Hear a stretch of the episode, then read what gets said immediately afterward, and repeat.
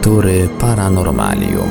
Dziś w Radiu Paranormalium kontynuujemy prezentację książki Wojciecha Chudzińskiego Ten drugi w nas. Od objawień aniołów do malarstwa duchów. Jest to niezwykła publikacja przeznaczona dla osób zafascynowanych ezoteryką, a w szczególności problematyką spirytyzmu i mediumizmu. W książce autor przedstawia postacie historyczne oraz artystów, na których biografiach odcisnął się kontakt z tak zwaną inną rzeczywistością. Wojciech Chudziński stara się wyjaśnić, co może się kryć za niezwykłymi umiejętnościami osób, które odniosły sukcesy jako medium. Próbuje odpowiedzieć na pytanie, czy opisane historie można wytłumaczyć na gruncie współczesnej psychologii, czy też niezbędne jest odwołanie się do metafizyki i dostrzeżenie w tych kontaktach ingerencji czynników zewnętrznych. Książkę Ten drugi w nas, od objawień aniołów do malarstwa duchów na antenie Radia Paranormalium prezentujemy w odcinkach w całości. Zapraszamy do słuchania.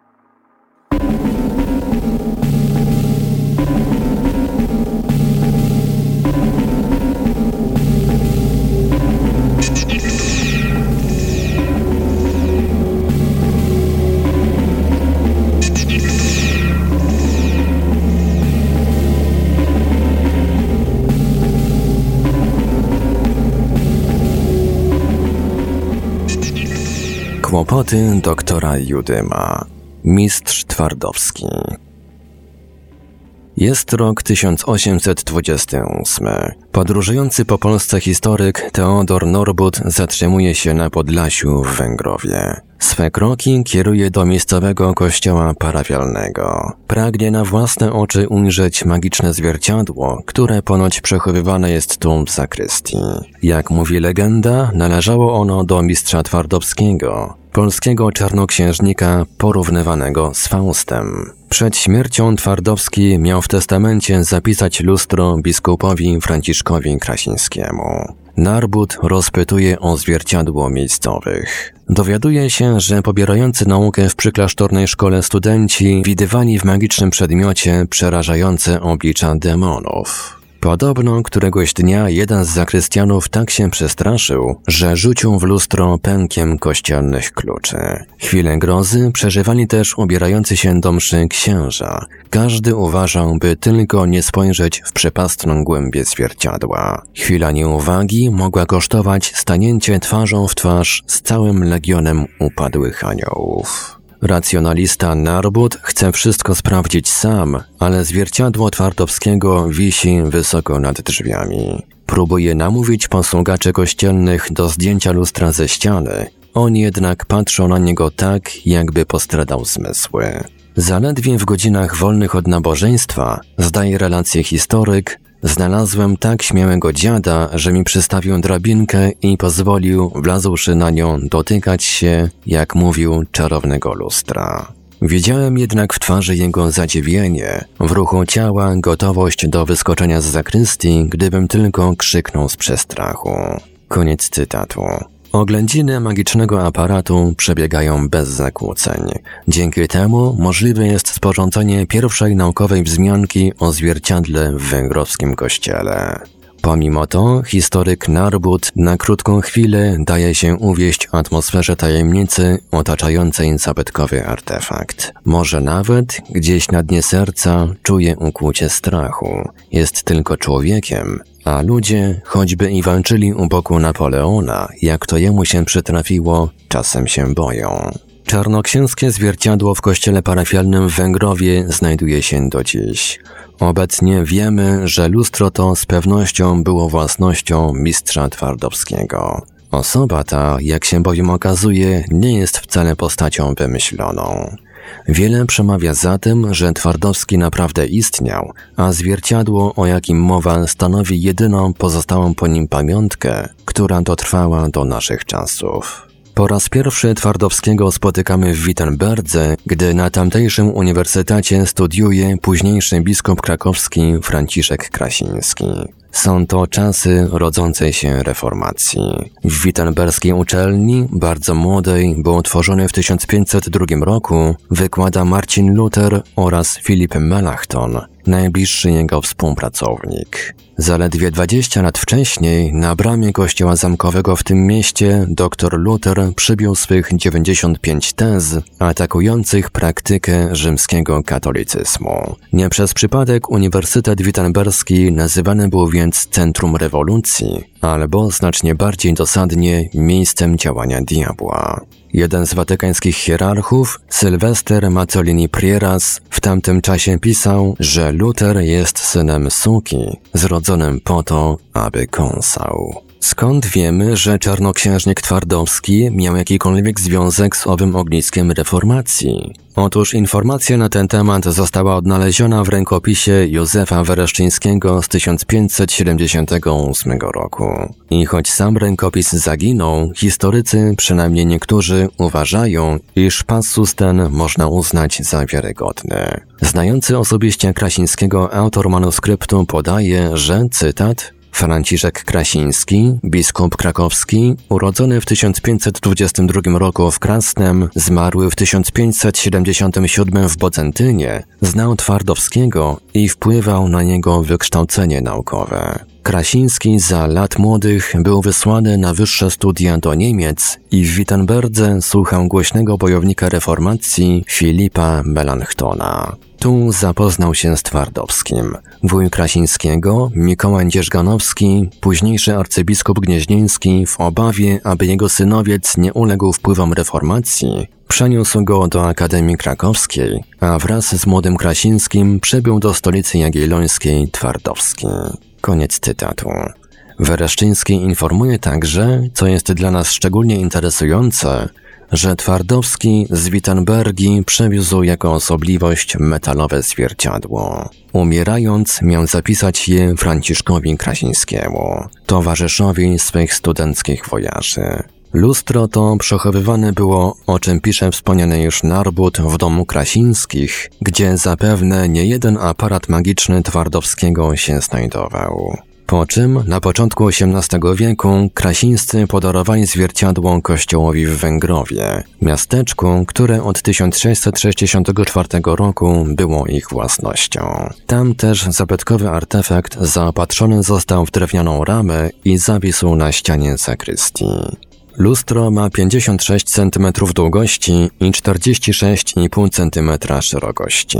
Umieszczone jest tak wysoko, że trudno się w nim przejrzeć. Na pomalowanej czarną farbą ramie widnieje napis w języku łacińskim Lucerat hoc speculo magicas twardovius artes, lusus ad iste dei versus in obsequium est. Przedwojenny badacz pamiątek po Twardowskim, Jan Kuchta, przetłumaczył go tak. Bawił Twardowski tym zwierciadłem, wykonując magiczne sztuki.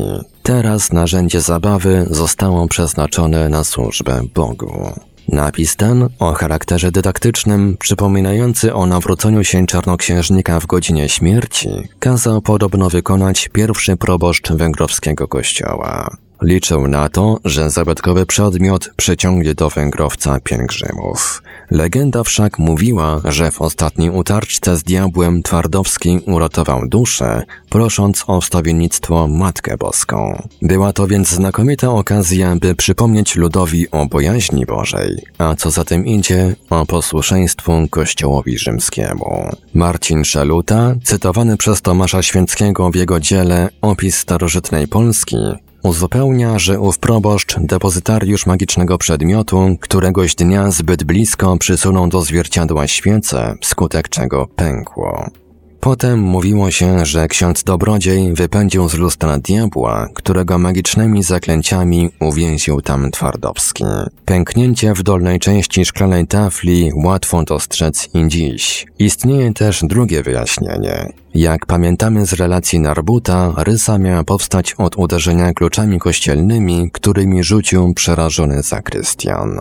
W wieku XVI zwierciadła i kryształy magiczne były dość rozpowszechnione. Łukasz Guarigus, astrolog Katarzyny Medyceńskiej, niemiecki czarnoksiężnik Johann Faust, notabene także student wittenberskiej uczelni oraz jego rówieśnik Cornelius Agrippa z Nettesheim, nekromanta i znawca kabały. Z magicznym zwierciadłem nie rozstawał się wspomniany w poprzednim rozdziale angielski mag John Dee, zaproszony do Polski w 1583 roku przez wojewodę sierackiego Alberta Łaskiego. Wiele tego rodzaju kuriozów posiadał też w swojej kolekcji osobliwości Rudolf II, cesarz alchemików. Z pomocą magicznych luster przywoływano duchy i stawiono im pytania. Poznawano przyszłość i kontaktowano się z demonami. Ludzie powszechnie wierzyli, że zwierciadło jest rodzajem bramy, przez którą dusza może przejść do świata poza lustrem,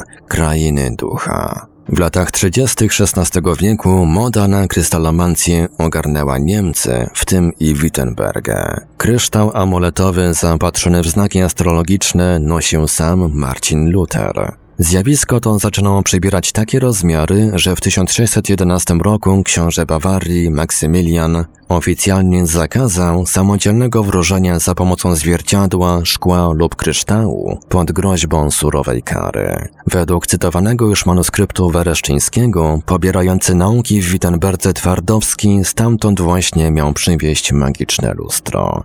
Wydaje się to całkiem wiarygodne. Po co było ono potrzebne polskiemu Faustowi?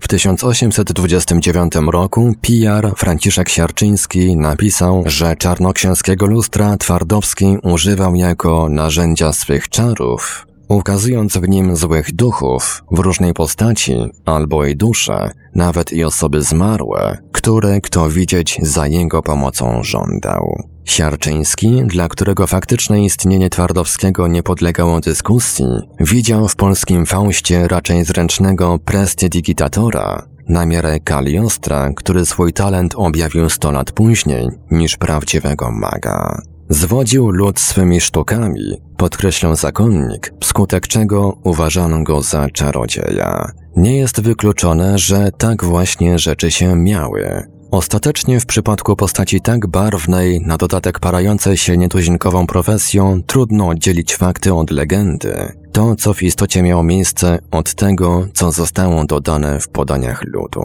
Do Twardowskiego przywiązanych jest wiele fantastycznych urojeń przestrzegał historyk Joachim Lelewel. Jedno jest pewne, Twardowski na stałe wrósł w naszą kulturę narodową. Pisali o nim Mickiewicz, Orzeszkowa, Rydel, Kraszewski. Jego legenda inspirowała twórców opery, baletu, a nawet kina. Przed wojną można było zobaczyć film o polskim Faustie ze Stefanem Jaraczem i Kazimierzem Jonuszą Stępowskim w rolach głównych. Jak powiadają, Twardowski już urodził się z duszą zaprzedaną diabłu. Jego ojciec za wydostanie wozu z bagna przyrzekł demonowi to, co zastanie nowego po powrocie do domu. Jeszcze zanim dotknął drzwi, usłyszał płacz narodzonego dopiero co dziecka.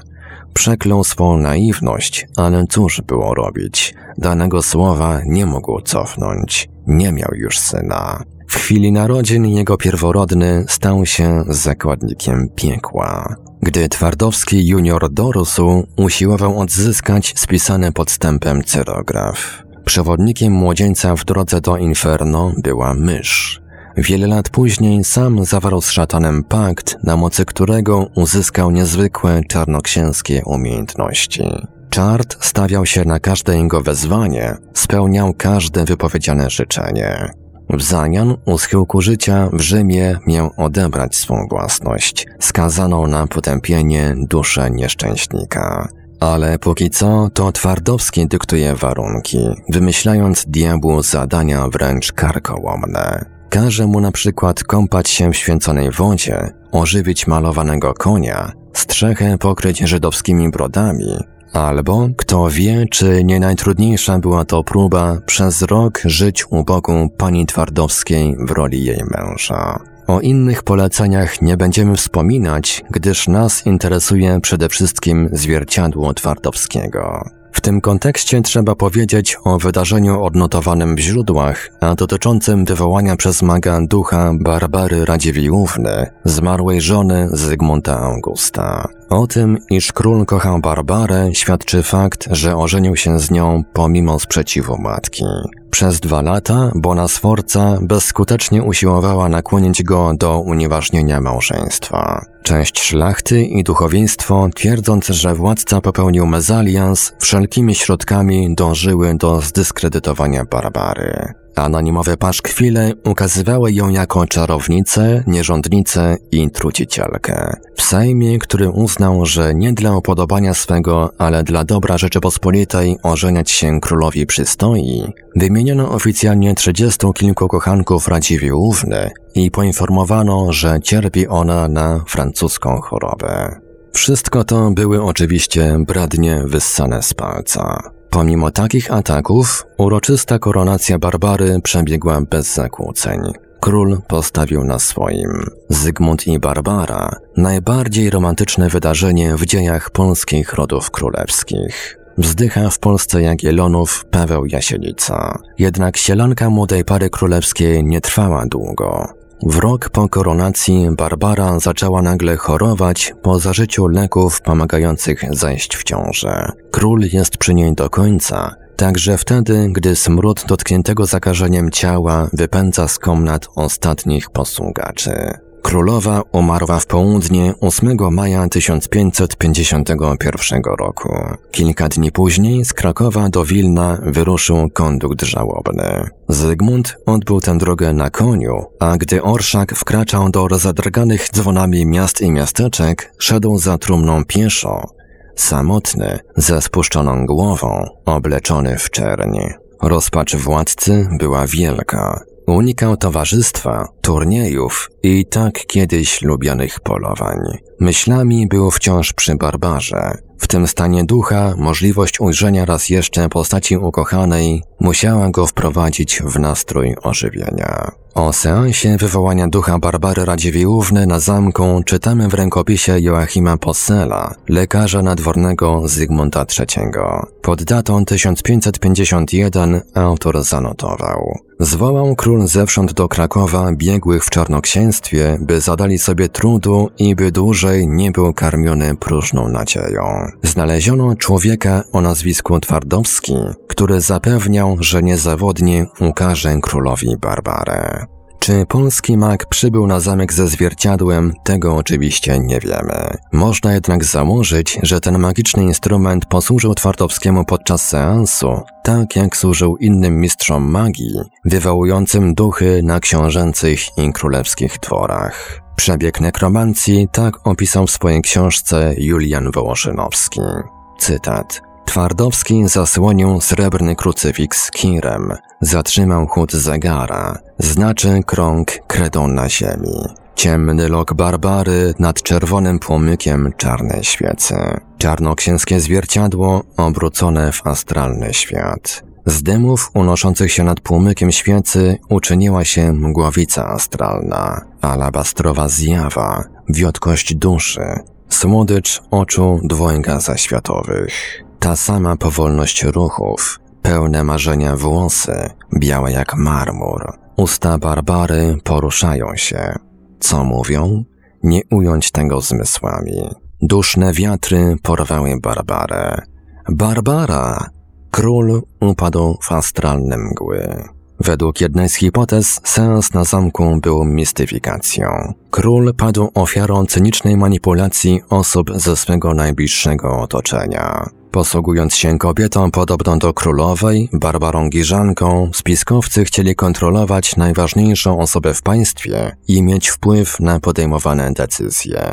Taką wersję wydarzeń przedstawił Jan Giza w swym rękopisie z 1573 roku.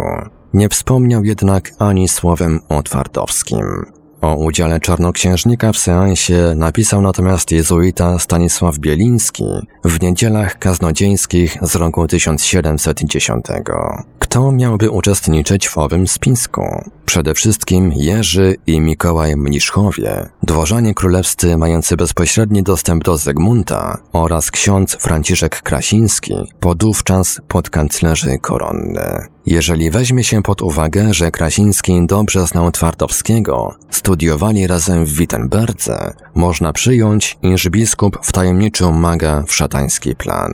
Niezbędny był mistrz ceremonii, który by uwiarygodnił eksperyment i nie dopuścił do zdemaskowania ducha. Stawka, o jaką grano, była wysoka. Gdyby plan się nie powiódł, spiskowcy utraciliby wszystko. Czy zjawą, jaką okazała się Zygmuntowi, była Giżanka, krakowska mieszczanka ucharakteryzowana na Barbarę Radziwiłłównę? Wielu badaczy i historyków uważa, że tak. W dziele Bielińskiego jest jednak pasus, który tę historię podważa, jeśli w ogóle jej nie dyskredytuje. Autor Niedziel Kaznodziejskich podał, że tamtego wieczoru król ujrzał również wszystkich antecesorów swoich, czyli poprzedników na królewskim tronie. Czyżby mniszkowie zaaranżowali spektakl z kilkunastoma aktorami?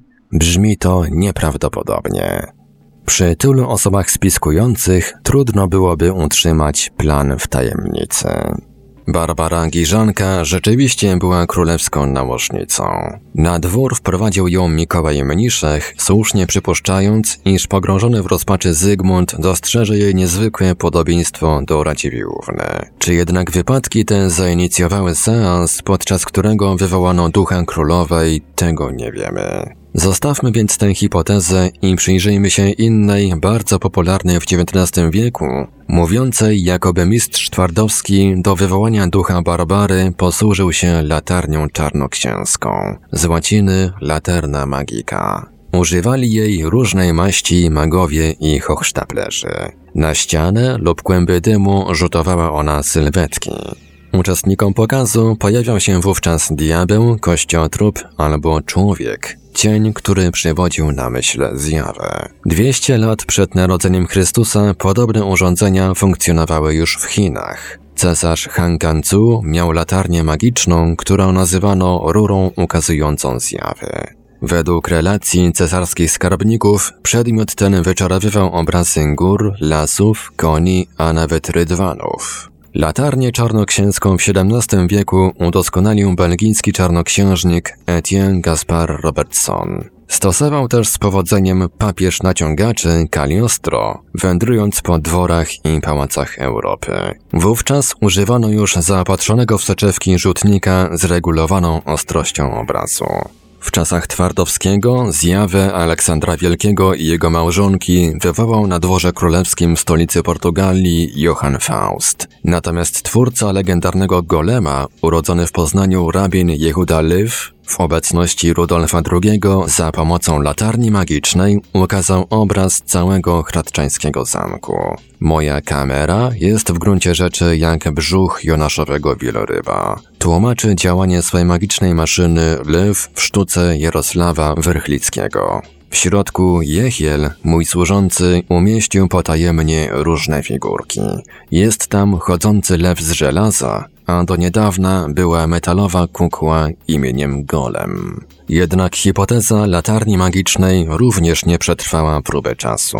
Zastąpiono ją inną, utrzymującą, jakoby lustro Twardowskiego miało właściwości rzutowania obrazów samo z siebie. Choć brzmi to nieprawdopodobnie, takie lustra istnieją. Już w X wieku wytwarzano je na Dalekim Wschodzie, w Chinach i Japonii. Pantalejmon Jurjew, wielki entuzjasta tej hipotezy, wyjaśnia, że zwierciadło takie, cytat, w swej płaszczyźnie ma misternie ukryty i dla oka zupełnie niewidoczny sztych wewnętrzny. Doskonale zeszlifowany, nawet przez dotyk ręką niewyczuwalny. Dopiero gdy promień światła pada na niewidoczne dla oka rysy sztychu pod określonym kątem, powoduje się rzutowanie obrazu. Powiększanie jest stosunkowo duże, zależy jednak od mocy światła użytego w danym przypadku.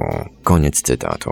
Zagadkę magicznych luster rozszyfrowano dopiero w XX wieku. Brytyjski krystalograf Sir William Bragg dokonał tego z pomocą nowoczesnego mikroskopu.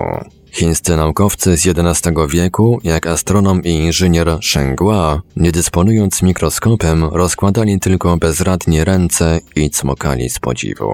Nie mieściło im się w głowach, że ideogram umieszczony na odwrocie lustra odbija się na ścianie ustawionej przed zwierciadłem. Znaczyłoby to, rozumowali, że światło przenika przez brąz albo metal, z którego lustro jest wykonane, co przecież było niemożliwe. Bragg odkrył, że pozornie gładka powierzchnia lustra ma maleńkie, niewidoczne dla oka zagłębienia. Odpowiadają one wypukłościom na odwrocie zwierciadła. Krzywizna wyszlifowana podczas obróbki powodowała powstanie powiększonego obrazu w świetle odbitym.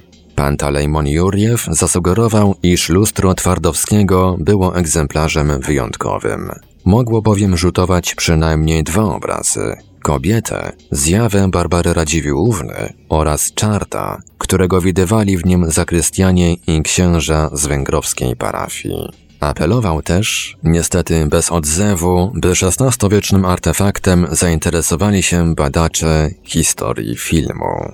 Hipotezę Jurjewa podważył Roman Bugaj w znakomitej książce Nauki tajemne w Polsce w dobie odrodzenia. Jego zdaniem Twardowski nie dysponował wystarczająco silnym źródłem światła, by użyć swego zwierciadła w nocy. A przecież właśnie w nocy odbywał się, zgodnie z nekromancką praktyką, seans wywoływania ducha królowej. Świece łojowe z knotem z liścia, tak zwana firletka, jakie wówczas produkowano, nie dawały jasnego światła. Pamiętajmy, że jasno palącą się świecę stearynową wynaleziono dopiero w latach dwudziestych XIX wieku w drodze hydrolizy łoju. A więc i ta teoria nie wytrzymuje krytyki. Mimo wszystko uważam jednak, pisał Wiktor Han, badacz biografii Twardowskiego, że opowieść ta o wywołaniu ducha Barbary Radziwiłłówny odpowiada w ogólnych zarysach rzeczywistości, iż Twardowski dokonał jakiegoś eksperymentu, by spełnić życzenie Zygmunta Augusta. Koniec cytatu. Ale jaki to był eksperyment, skoro hipotezy o występach prestidigitatorskich czy spisku nie tłumaczą, co się tam faktycznie wydarzyło? Czyżby w grę wchodziło jakieś inne wyjaśnienie? Być może. Na początku lat 90. XX wieku czterdziestokilkuletni biegły księgowy z Nowego Jorku, niespecjalnie interesujący się mistycyzmem, po stracie ukochanej matki zgodził się wziąć udział w eksperymencie, w którym miał zobaczyć zmarłą i z nią porozmawiać. Zaproponował mu to Raymond Moody, autor prac opisujących dostania osób, które przeżyły śmierć kliniczną, specjalista od życia po życiu i greckich wyroczni zmarłych. W Starym Młynie, w wiejskiej posiadłości w Alabamie w USA, Moody stworzył własne psychomanteum. Na ścianie zawiesił lustro o wymiarach 120 na 105 cm. Przed nim ustawił fotel, za fotelem zaś małą lampkę ze szkła witrażowego z 13-watową żarówką. W pomieszczeniu panował półmrok dzięki czarnej, welwetowej zasłonie udrapowanej za siedzącym. Sesja trwała godzinę. Po opuszczeniu izby zjaw, jak ochrzcił pomieszczenie z lustrem Moody, księgowy powiedział, cytat, Nie wiem skąd przyszła, ale jestem pewien, że widziałem autentyczną osobę. Patrzyła na mnie z lustra. Nie potrafię powiedzieć, w co była ubrana, ale wiem, że miała siedemdziesiąt kilka lat, była mniej więcej w tym samym wieku, w jakim umarła. Wyglądała jednak na zdrowszą i szczęśliwszą niż pod koniec życia. Nie poruszała ustami, ale mimo to mówiła do mnie i wyraźnie słyszałem jej słowa. Koniec cytatu.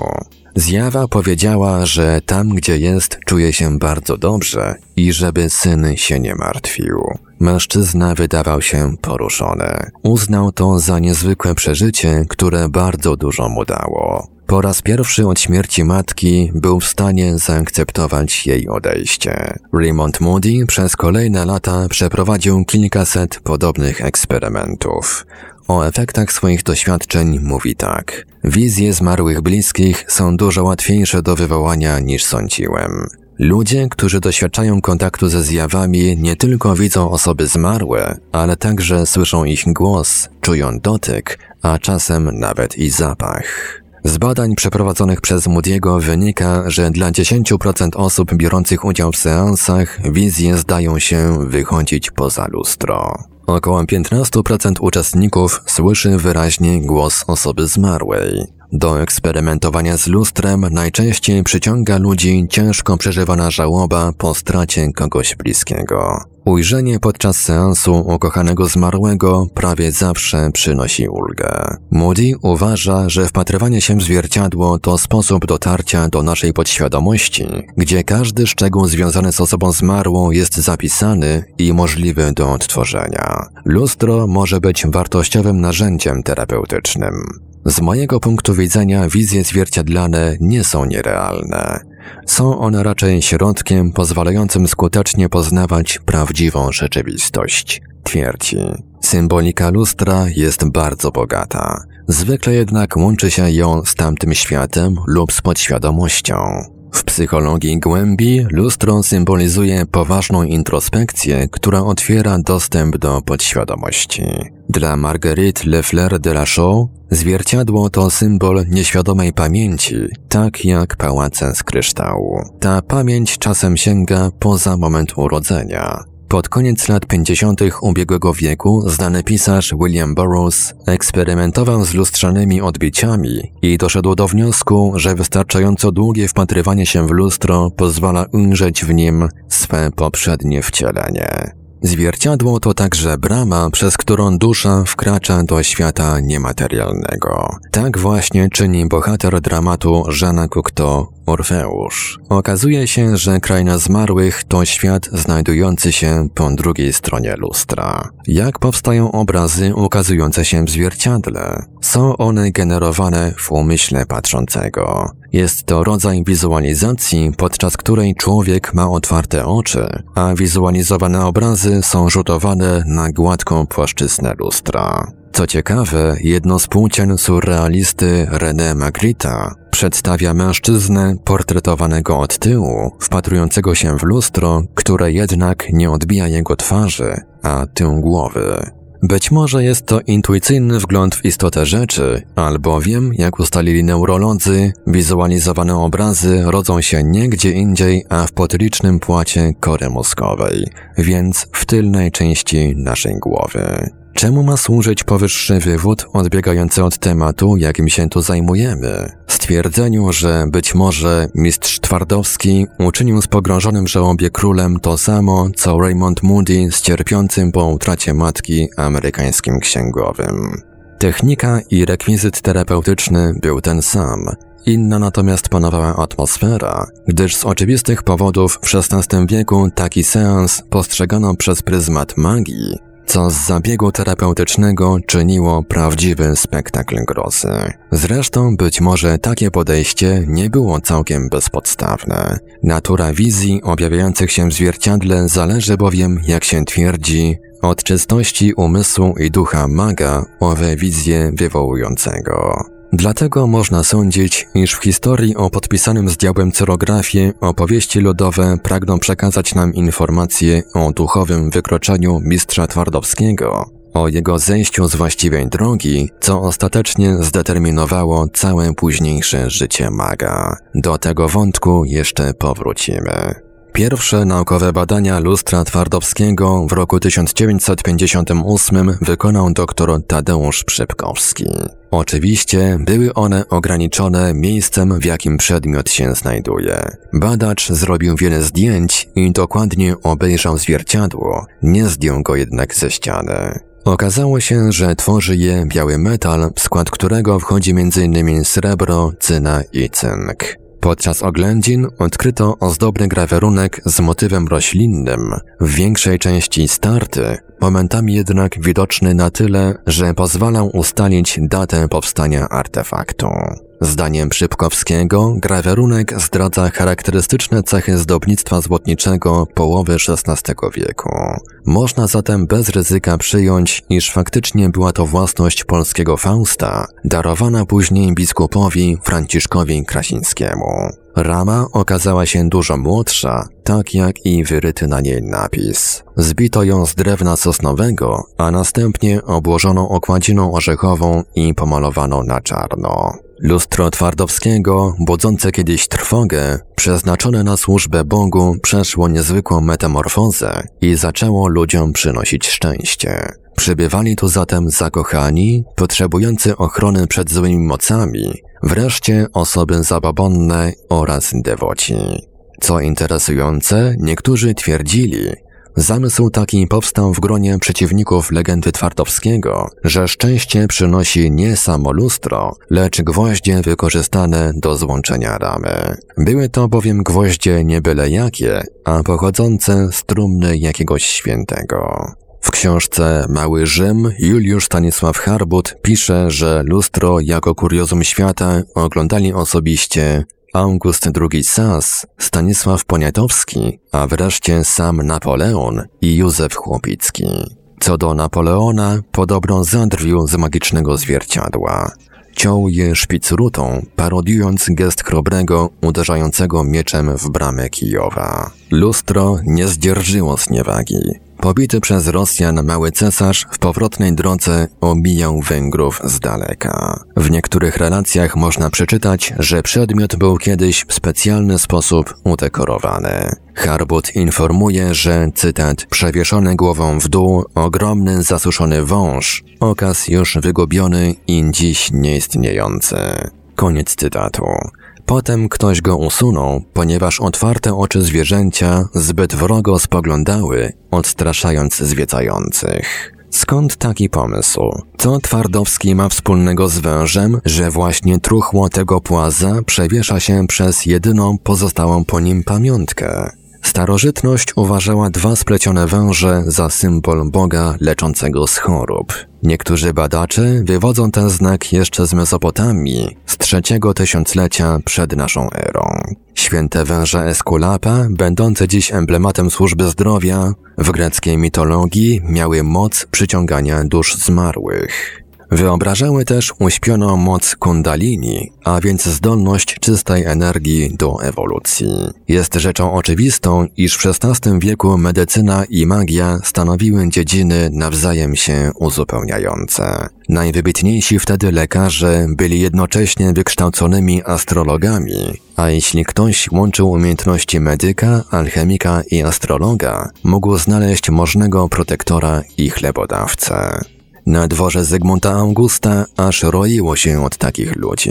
Wystarczy wymienić Stanisława Dwojnę, znawcę nauk tajemnych i samouka, osobistego medyka Barbary Radziwiłłówny. Kto wie, czy to nie Dwojna przyczynił się do przedwczesnej śmierci królowej, na czym zaważyła jego medyczna ignorancja, oraz Baltazara Smosarskiego, który na Zamku Królewskim w Warszawie parał się nie tylko sztuką lekarską, ale także transmutacją ołowiu w złoto i poszukiwaniem kamienia mądrości.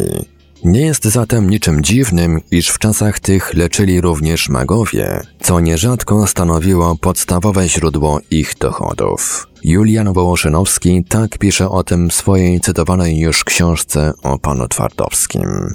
Mistrz Twardowski leczy ludzkie biedy. Gorącymi palcami kładzie ludziom na oczy sen. Przemienia człowieka i odmienia. Nabija zmory w butelkę. Uwalnia ludzi od zmor. Usadza ich na latających kobiercach i otwiera przed nimi horyzonty.